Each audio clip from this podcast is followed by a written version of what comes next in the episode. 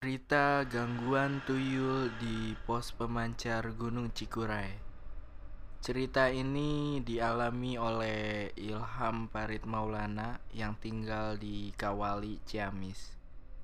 Dia berbagi sedikit cerita sebelum melakukan pendakian di Gunung Cikuray, Garut, Jawa Barat. Pendakian ini sudah direncanakan jauh-jauh hari, bahkan sebulan sebelumnya. Ilham pun mengajak tujuh orang temannya, yang enam orang laki-laki masing-masing bernama Gamal, Rangga, Pian, Iqbal, Ridwan, dan satu orang perempuan yang bernama Selfie. Pada tanggal 6 Juli 2017, tepatnya hari Kamis, Ilham berangkat dari Kawali Ciamis bersama empat orang temannya dengan menaiki mobil pribadi. Sedangkan tiga orang lainnya menggunakan sepeda motor. Dikarenakan macet di perjalanan, Ilham dan tiga orang temannya ini baru sampai setelah menempuh kurang lebih tujuh jam perjalanan.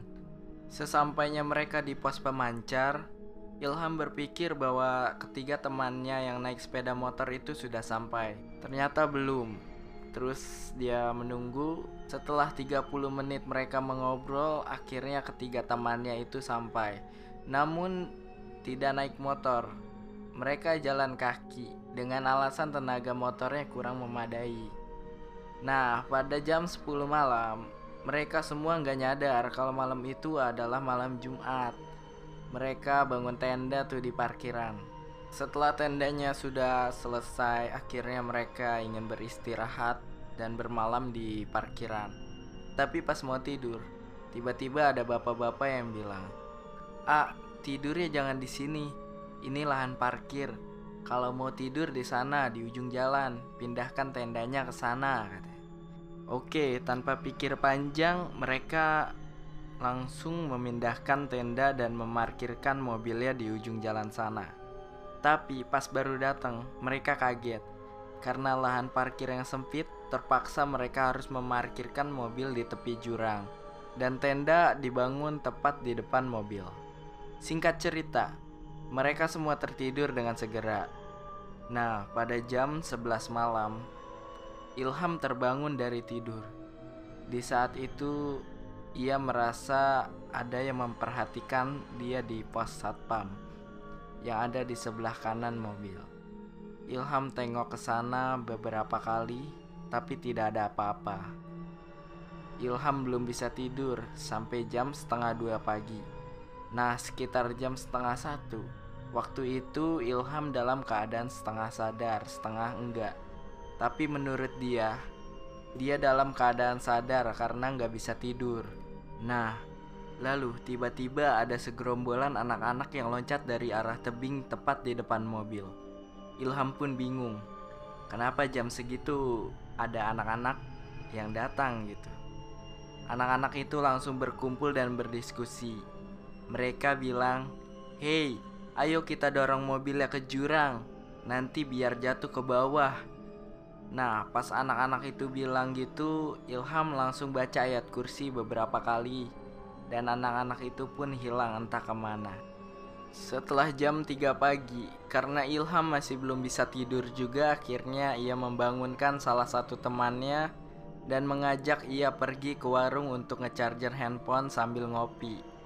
Mereka akhirnya ngobrol-ngobrol hingga subuh. Setelah itu, ia kembali ke ujung jalan untuk membangunkan teman-temannya yang sedang tidur. Akhirnya semua memindahkan mobil ke tempat parkir dan membereskan tenda dan bersiap-siap untuk mendaki. Sebelum pendakian, mereka ngopi sambil ngobrol-ngobrol dulu.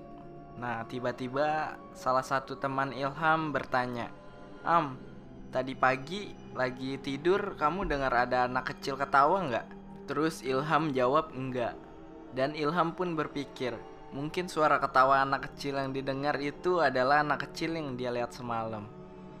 Temennya yang lainnya ada yang disentuh pantatnya, ada juga yang disentuh telinganya, hingga akhirnya yang tidur bareng Ilham di mobil serasa mobilnya goyang, ada yang dorong-dorong. Terus Ilham bilang ke teman-temannya, Ah, sudahlah. Mungkin itu tempat bermain mereka keganggu sama kita. Sudah, sekarang kita berdoa, minta pertolongan kepada Allah Subhanahu wa taala. Terus selanjutnya mereka langsung mendaki.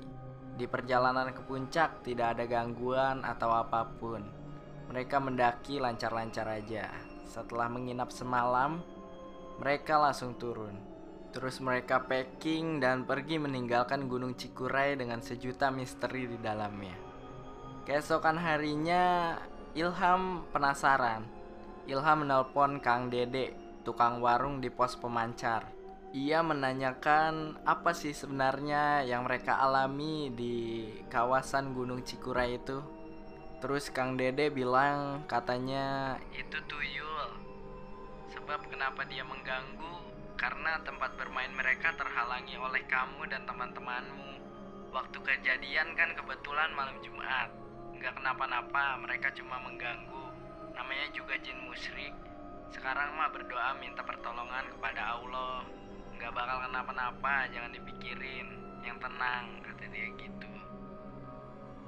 Nah, lewat cerita ini Ilham pun berpesan kepada kalian yang mau mendaki ke Gunung Cikuray ataupun di mana itu untuk selalu menjaga sikap dan selalu ingat kepada Allah Subhanahu wa taala.